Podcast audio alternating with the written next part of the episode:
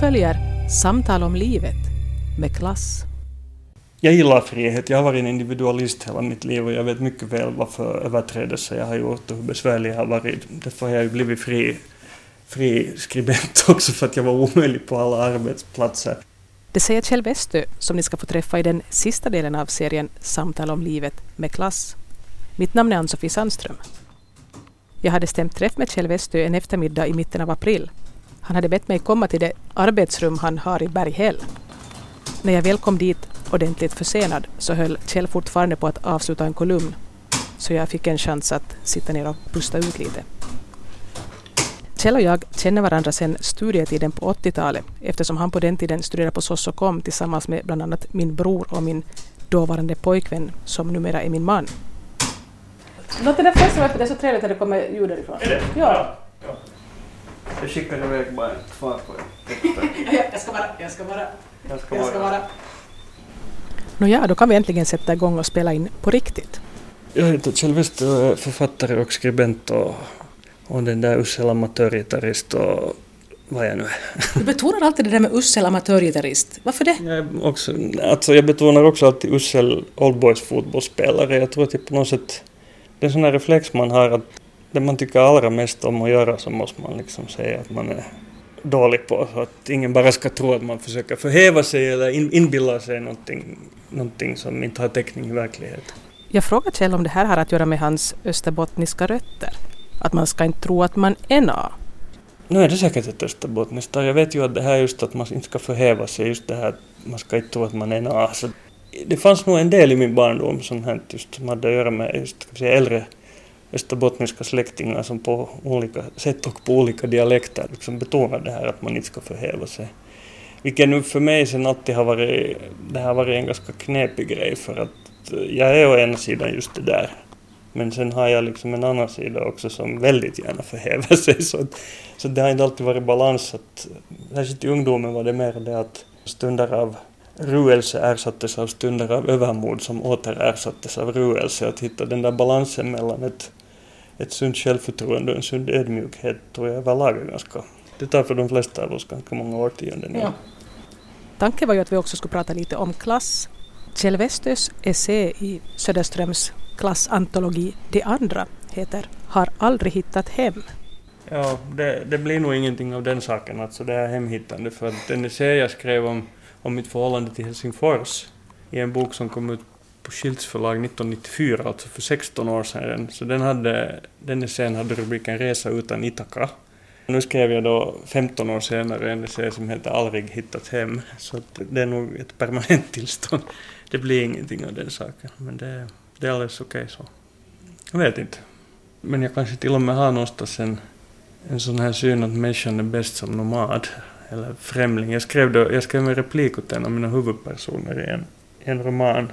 Det är Lucy Liljehelmi där vi en gång gått som skriver ett brev hem från Paris någon gång kring 1925. Och där skriver hon den här meningen Människan gör sig bäst som främling. Och det är ju inte så att allt jag skriver i mina böcker representerar det jag själv tycker. Det är verkligen inte så. Men uh, i det här fallet så är det det. För mig har det alltid varit så att även om det är sympatiskt och jag förstår också det är viktigt att betona hem och trygghet och det lilla. Så där som när jag åker ut till min sommarstuga i Åboland då, från den stora Helsingfors och så kommer man till Pargas och så har Åbo underrättelse sina, sina stora affischer längs landsvägen där det står livet är lokalt.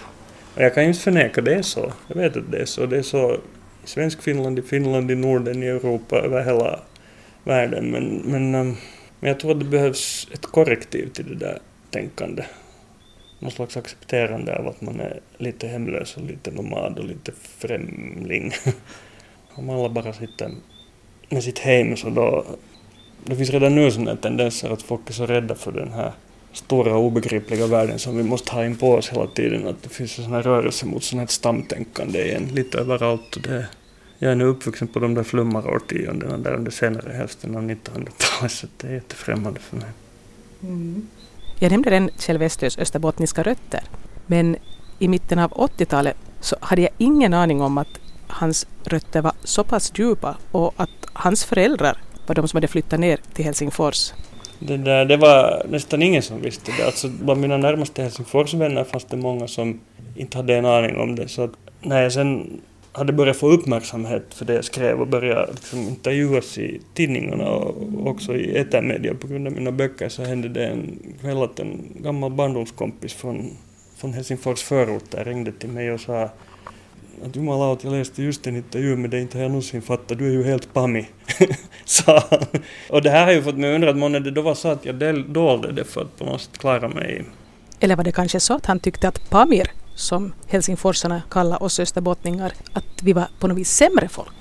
Nej, det tyckte jag faktiskt inte för att uh, det fanns så nära mig. Jag menar, mina föräldrar fast de hade vuxit upp i Jakobstad så jag minns inte att man skulle ha hört någonting dialekt i deras tal. När jag började liksom reflektera över saker hade det redan försvunnit. Men jag hade ju liksom min farmor och alla hennes syskon och massa släktingar längre bort, ofta i den äldre generationen, de talar ju alla jättetjocka dialekter av olika slag, Kronoby, Pedersör och så vidare. Och inte tyckte jag det där var något, jag kände alldeles klart att det var en del av mig.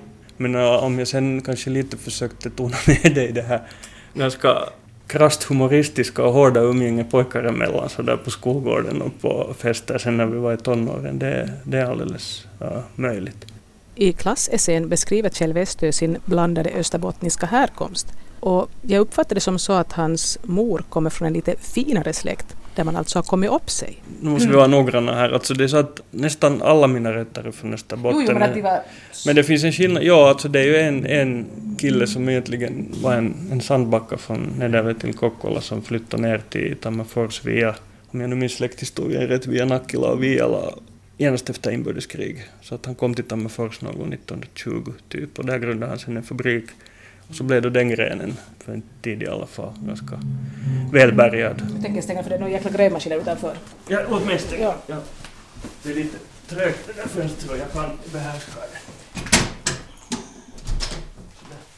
Jag tror att min mormors pappa dog året före jag föddes, 1960, och den här fabriken lades ner alldeles kort därefter. Så när jag var barn så fanns den inte mer i funktion, men då var liksom just den här grenen, min mormor och hennes två bröder, i Tammerfors var liksom då Tammerfors borgare kan man säga, medan flera av min farmors syskon, vilka bara en syster, den yngsta, lever nu längre, så de, flera av dem bodde då här i Helsingforstrakten och var, var då liksom mera småfolk.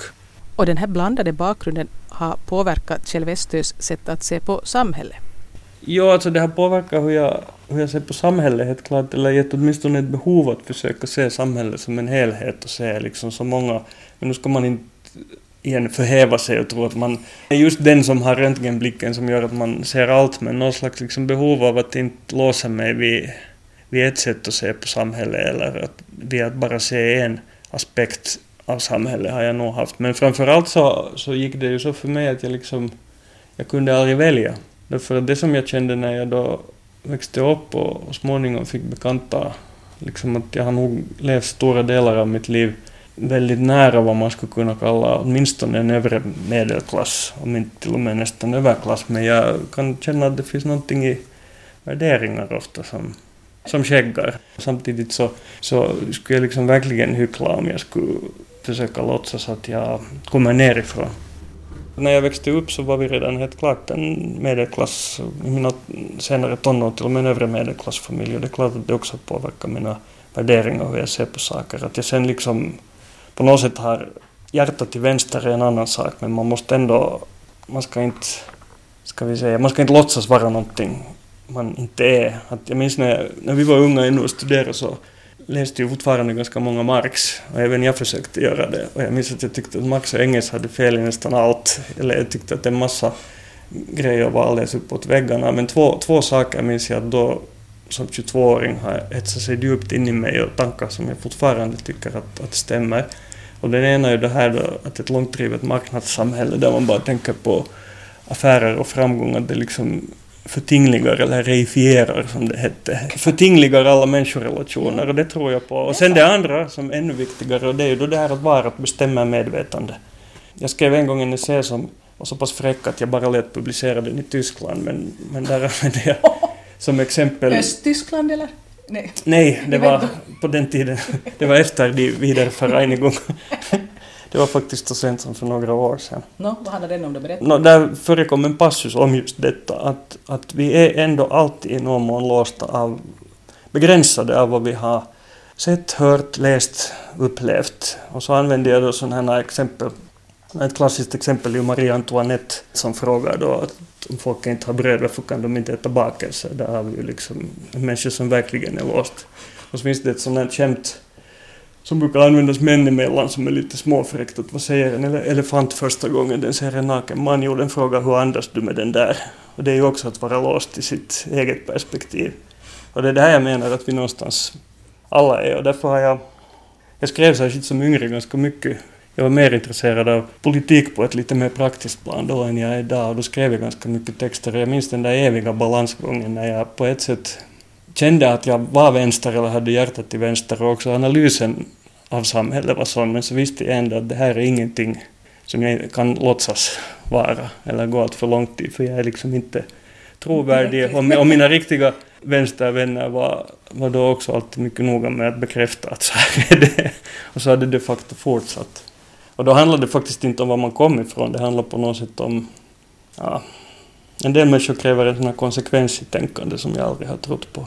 Jag är förvirrad som tänkare och, och liksom när jag kommer på en sanning så kommer jag senast följande dag på en annan tanke som omkullkastar den sanningen. Men att jag fick ett mejl av en bekant för några veckor sedan som tröstade mig i det här avseendet, för den här bekanten skrev att, att man kan också se det som så att, att intelligens är att kunna hålla liksom motstridiga och till och med antagonistiska tankar i huvudet samtidigt utan att behöva välja någon av dem. Det här fick mig att sträcka på mig ett par centimeter.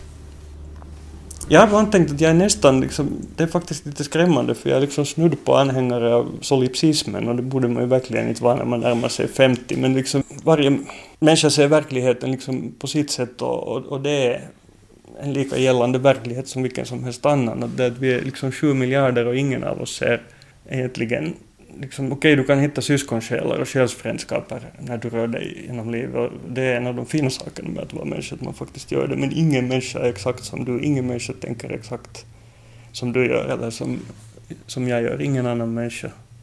Jag gillar frihet, jag har varit en individualist hela mitt liv och jag vet mycket väl vad för överträdelser jag har gjort och hur besvärlig jag har varit. Därför har jag ju blivit fri, fri skribent också för att jag var omöjlig på alla arbetsplatser. Så jag är en anhängare av frihet men liksom tänker man igenom hela det begreppet så vet man att det är en balansgång för att det kommer den här punkten då din frihet börjar vara, innebära någon annans fångenskap.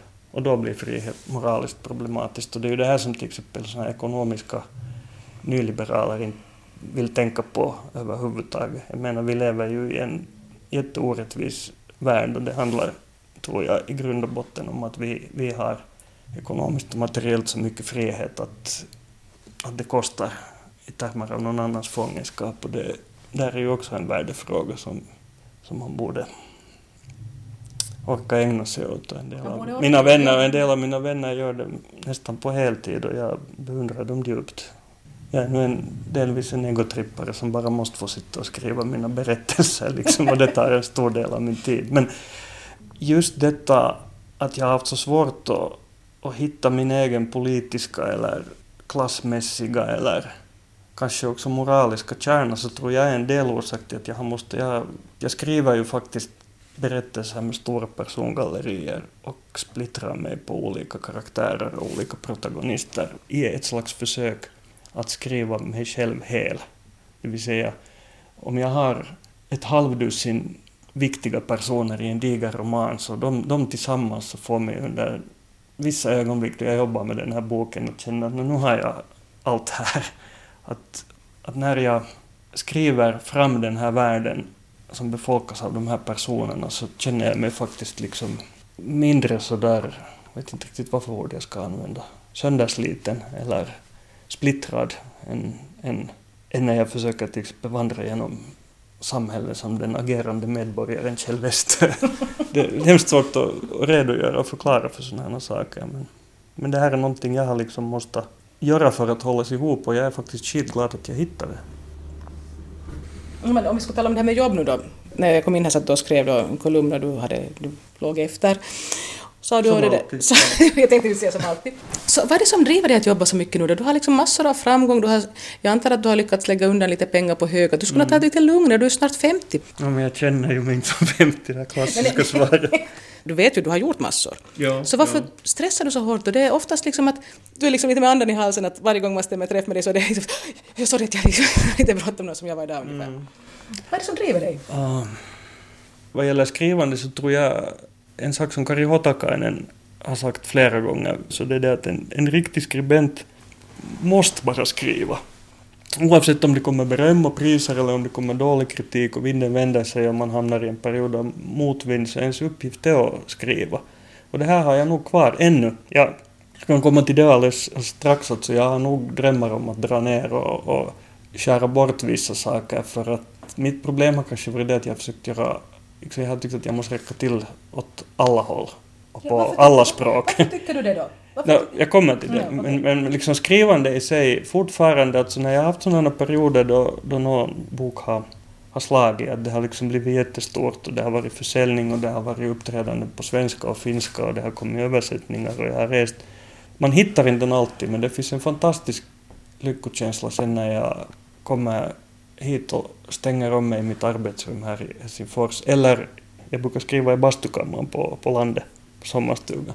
När jag kommer och, och så får jag liksom öppna datorn och så har jag en idé eller en tanke och så efter lite initialsvårigheter och en viss tröghet och friktion i början så börjar språket komma och man börjar få tag i någonting. Eller när man har haft en roman eller novellidé och så hittar man den där ingången och så får man till stånd det där första stycket eller den där första sidan och man ser att det här är på riktigt, det här andas, det flyter. Det, det är bara en, en lycka. Jag menar, skulle jag kunna skriva musik så skulle jag kanske känna en ännu större lycka när jag ska skriva en bra låt, men det är nog där att skriva ord som har blivit min grej. Så det här är viktigt att komma ihåg, alltså, det driver mig. Men sen till din fråga, varför måste man räcka åt alla håll? Varför måste man räcka till åt alla håll? Jag vet inte, faktiskt. Ibland har jag tänkt att jag är liksom plugghäst i grunden, för det här vet nästan ingen, jag har nästan inga nära vänner kvar från min liksom, barndom som har sett, följt med hela vägen och som jag skulle känna bra ännu idag, men det finns alldeles en eller två och de vet liksom att, att så tidigt som i folkskolan, när, när vi ännu var riktigt små, så var jag liksom grym perfektionist. Alltså jag bara ville vara bra. Det handlar inte om att tävla. Det, jag kände det aldrig så att jag måste vara bäst i klassen. Jag kände bara att jag, jag måste göra bra ifrån mig och så länge jag kan förbättra en sak så vill jag inte släppa den. Så jag var sån här uh, att om jag fick liksom nio och ett halvt i ett prov så var jag helt sur. För att man kan ju göra bättre. Sen reagerar jag i tonåren ganska kraftigt på det här och jag tror det här, är också, det här kan vara ett narcissistiskt drag att om du har velat vara perfekt och märker att du inte klarar av det så då vill du istället vara liksom usel. Du, Uslast. Uslast nästan, ja. Och, och sen hade jag en period då jag körde ganska hårt på den linjen men någonstans sen under vuxentillvaron så har jag återvänt till det jag Din inre plugghäst kom tillbaka. min inre plugghäst kom definitivt tillbaka. Men sen har jag haft en annan tanke också. Um, och jag, var, jag var aldrig mobbad eller ens liksom nära att, att höra till mobbningsoffren, men jag var nog en socialt osäker och lite velig typ i något skede under barndomen. Och eller åtminstone kände jag mig alltid otrygg socialt och tyckte att jag hade svårt att riktigt få vara med. Jag vet inte om det var så rent objektivt. Jag känner så få människor från min uppväxt. Jag kom, liksom, kommer inte åt att riktigt fråga någon. Det, det, är faktiskt, det är faktiskt kul när man gör det, för man märker sen att Ens egen uppfattning är ens, kanske... Ens egna minnen av hur saker gick till och vem som var kompis med vem och Mm. hur de behandlar varandra stämmer inte alls med de, de andra uppfattar det. Nej, det, det, det är ganska här har vi solipsismen igen. Ja. Sju miljarder verkligheter. Det är just så här, det, är, Det det finns beröringspunkter och Mm. man möts nog men Ja. liksom exakt samma historieskrivning har man inte. Och jag har ju stött på det här komiska då i eget, att jag minns att jag ännu i de tidiga tonåren skulle ha varit liksom just blyg och rädd och snudd på lite utanför men sen har folk sagt nästan raka motsatsen att alltid med käften uppe och uppkäftig och, och så vidare. Min subjektiva upplevelse var nog någonstans den att, att inte riktigt räcka till och att inte riktigt duga och att inte riktigt få vara med. För det minns jag att sen när vi kom upp i de liksom övre tonåren och nästan var på tröskeln till vuxenvärlden så minns jag att det fanns en hel del sådana... Plötsligt märkte jag att det fanns en massa band runt omkring liksom, där mina olika bekanta och kompisar spelade och jag fick liksom jättesällan vara med. Och sen började det också grundas sådana liksom, kompisfotbollslag som sen spelade i de här riktigt lägsta divisionerna, division 7 och division 6. Och jag tyckte att det där också, att äh, har de nu igen grundat ett lag och det känner ju de där typerna, varför är jag inte med där? Nu, och nu är det så här att jag var faktiskt, nu säger jag på allvar, sen på senare år så har jag lärt mig lite spela gitarr, men då i de sena tonåren jag var faktiskt dålig. Så det där köper jag helt. Men, men fotboll kunde jag faktiskt spela och då fick jag att det måste ju vara något fel på min person då om jag inte är med. Och det här tror jag att det må vara fel eller rätt analys av hur det egentligen har varit, men när man har upplevt, om det kändes så, så var det så och sånt här sätter sig ganska djupt i en. Så jag tror att en sån här vilja sen, när jag släppte det där rebelliska som i mitt fall kanske var lite påklistrat att jag egentligen är en ganska snäll person och hitta min inre plugghäst igen så, så tror jag att en sån här attityd att liksom leave no stone unturned för att liksom verkligen göra ett bra jobb och räcka till överallt. Så det lite har kommit därifrån. Men det är det som jag nu då vid 48 års ålder har insett att nu fasen orkar jag inte mer. För att jag menar, jag har, jag har haft en verksamhet i, i 10-15 år nu. Först blev det mer och mer på finska, så att vid sidan av mitt modersmål svenska och min liksom egentliga verksamhetsvärlden finlandssvenska så kom det finska in jättestarkt. Så har jag alltid fått ut böckerna även om jag haft tvärt emot vad folk tror har jag haft föga framgång i Sverige men jag har alltid fått ut böckerna där så jag åker ju dit och uppträder och pratar också. Och så började det komma översättningar och sen råkade jag tala några språk. Och så tycker jag att jag ska alltid kunna då åka till en engelskspråkig miljö och hålla föredrag på engelska och till Tyskland och göra det på tyska och till Spanien och göra det på spanska. Precis. Men i något skede har jag börjat märka att liksom, man måste ju faktiskt vila ibland också. Jag kommer att tänka på en sak som har att göra med Kjell Westös perfektionism.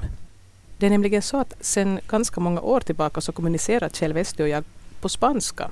Han hade börjat studera det språket och ville få en chans att öva och för mig spelade det ingen roll.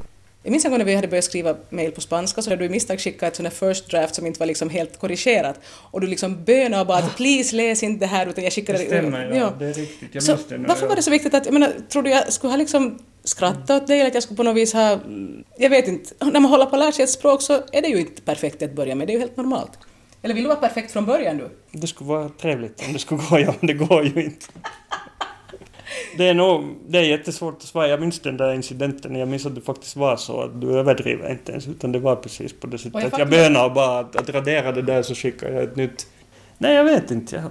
Jag, jag, jag vet att det är så där och det finns positiva aspekter också på det. Man, allt är inte bara liksom ett behov att vara duktig och kunna saker och klara sig. Inte, inte, inte räcker det som drivkraft i längden. Man måste nog tycka att saker är lite roliga jo, jo. också.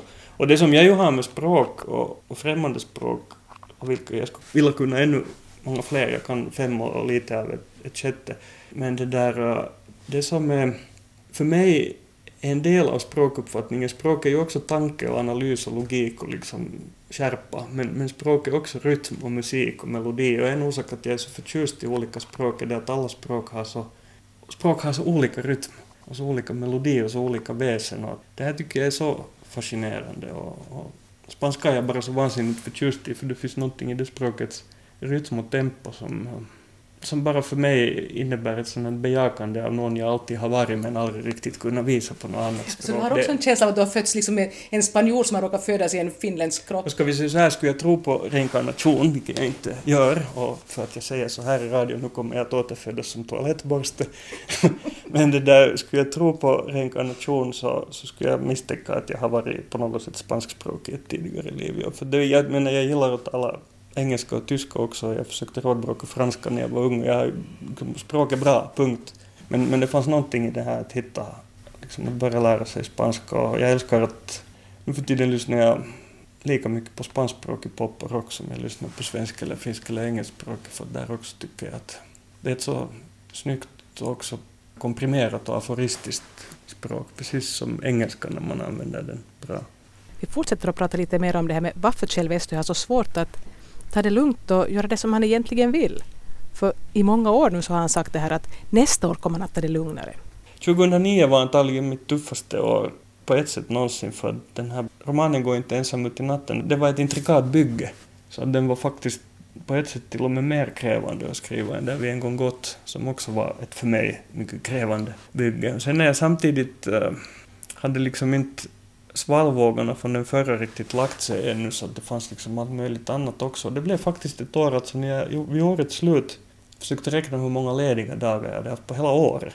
Så det blev inte många. Det blev nog ett tvåsiffrigt tal men det var liksom inte så förfärligt mycket mer än det. Och när du börjar märka just att det är ingen skillnad på veckor och veckoslut, det är ingen skillnad på juli och, och mars, så, så börjar man ju lite skruva på sig. Och sen småningom så märker man det sen på sådana riktigt små konkreta saker. Man hinner inte träffa sin familj, sina vänner. Folk kan till och med bli ledsna på en och med allt själv för att man alltid tvingas säga att nej, jag hinner inte komma ut nu, jag hinner inte göra det nu, jag hinner inte... Faktiskt, det var det sämre förra året, du hann aldrig att tala spanska när jag var här. Det var uselt. Jag hann inte med någonting, mm. kan jag berätta. Nej, nej. och så märkte jag nu när våren kom, så märkte jag då att jag är faktiskt jätteivrig på att spela och öva gitarr och faktiskt lära mig nu efter att ha börjat på nytt efter 15 års paus för tre år sedan.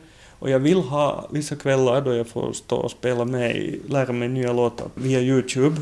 Och jag vill faktiskt lära mig det och jag blir rasande när jag märker att nu igen kan jag inte för att jag har lovat göra det och lovat skriva det och så vidare och så vidare. Och så märkte jag, jag har drömt om i flera år att ännu en gång vara med i något, något gubblag och alltså spela i någon sån här korpserie eller distriktsserie. Och de sista fem åren så har jag bara måste säga, efter att kanske ha varit med och tränat lite på vintern såna har kommit, jag måste titta på min kalender och sitta nej tyvärr, jag är på resa då, jag är på resa då. Så nu, nu sitter vi och pratar här i april och en sån här Oldboys-serie börjar den 6 maj och nu har jag ringat in alla matcherna och nu ska jag fan i mig spela. så att, Kommer det att skapa stress åt dig också att försöka hinna med det nu då? Nej, för det här är saker jag har längtat efter. Det här är saker som jag faktiskt vet. Om jag nu tar det där gitarrspelandet så vet jag att när jag står och spelar gitarr så är jag lycklig. Då rinner all stress av mig. Så att det tror jag inte. När jag i början av augusti pratade med Kjell Westö i telefon så frågade jag hur det hade gått med hans fotbollsspelande. Han berättade att han hade spelat en enda match. De hade förlorat. Sen hade han inte hunnit spela flera matcher. Då i april när vi satt och pratade så kom vi också in på ämne självkännedom. Jag tror ju inte i grunden att man kan liksom analysera sig själv. Man känner inte vad det gnotiska auton kände dig själv, sa de här, vilken filosofisk riktning var det gnostikerna? Det måste vara de. Men jag hade en sån här postmodern nomadisk människosyn att man kan egentligen inte känna sig själv. Vi känner inte oss själva. Och det är lite skrämmande i synnerhet som den livsbana jag har valt att sitta och skriva berättelser nog innebär liksom ett försök att lära känna sig själv via karaktärer man skapar och via berättelser om världen som man hittar på. Sen, sen är det ju just om man har det här sortens hjärna som börjar liksom fabricera motpåståenden så fort man kommer fram till ett bra påstående. Så allt flyter ju för mig. Allt fast förflyktigas hela tiden. Men trots det så kan jag nog säga att jag har, jag har förstått vissa saker om mig själv, vissa saker som jag faktiskt inte ens berättar för mina närmaste för att men berätta för radion nu så alla får... Eftersom jag inte ens berättar dem för mina närmaste så berättar jag inte för radion heller. Men det handlar alltså om saker som inte är speciellt smickrande men liksom man vet plötsligt något eget reaktionsmönster eller sätt att fungera som inte är särskilt smickrande. Man har inte lust att dela det med omvärlden för man skulle antagligen få bära detta mindre smickrande själv. Jag är inte säker på att alla gärna skulle starta upp och säga jag är också sån. Men så då man ändå har insett det någonstans... Nu blir jag riktigt nyfiken. Då man har insett det någonstans så, så kan man ju börja... Det att man är medveten om någonting gör det lite lättare att ha det under kontroll. Och en sak kan ju vara till exempel just den här perfektionismen. Jag menar, skulle du ha... Jag tror att du intervjuade mig senast för kanske fem år sedan eller något sånt. Det är snart tio. Är det tio år sedan? Herregud. Snart. Okej, okay, för snart tio år sedan då handlade det mycket om musik och så vidare. Och på den tiden så Många av de här svaren jag har gett dig idag skulle jag inte kunna ge då, för jag visste inte de här sakerna. Så nu lär man ju sig. Det sa Kjell Westö. Mitt namn är Ann-Sofie Sandström. Jag minns att jag spelade, spelade Anna-Lena Lövgrens Lyckliga gatan. Jo, du spelade också eh, den här, vad heter den, Sugar Baby Love. Mm, det har varit verkligt högklassigt. Mm.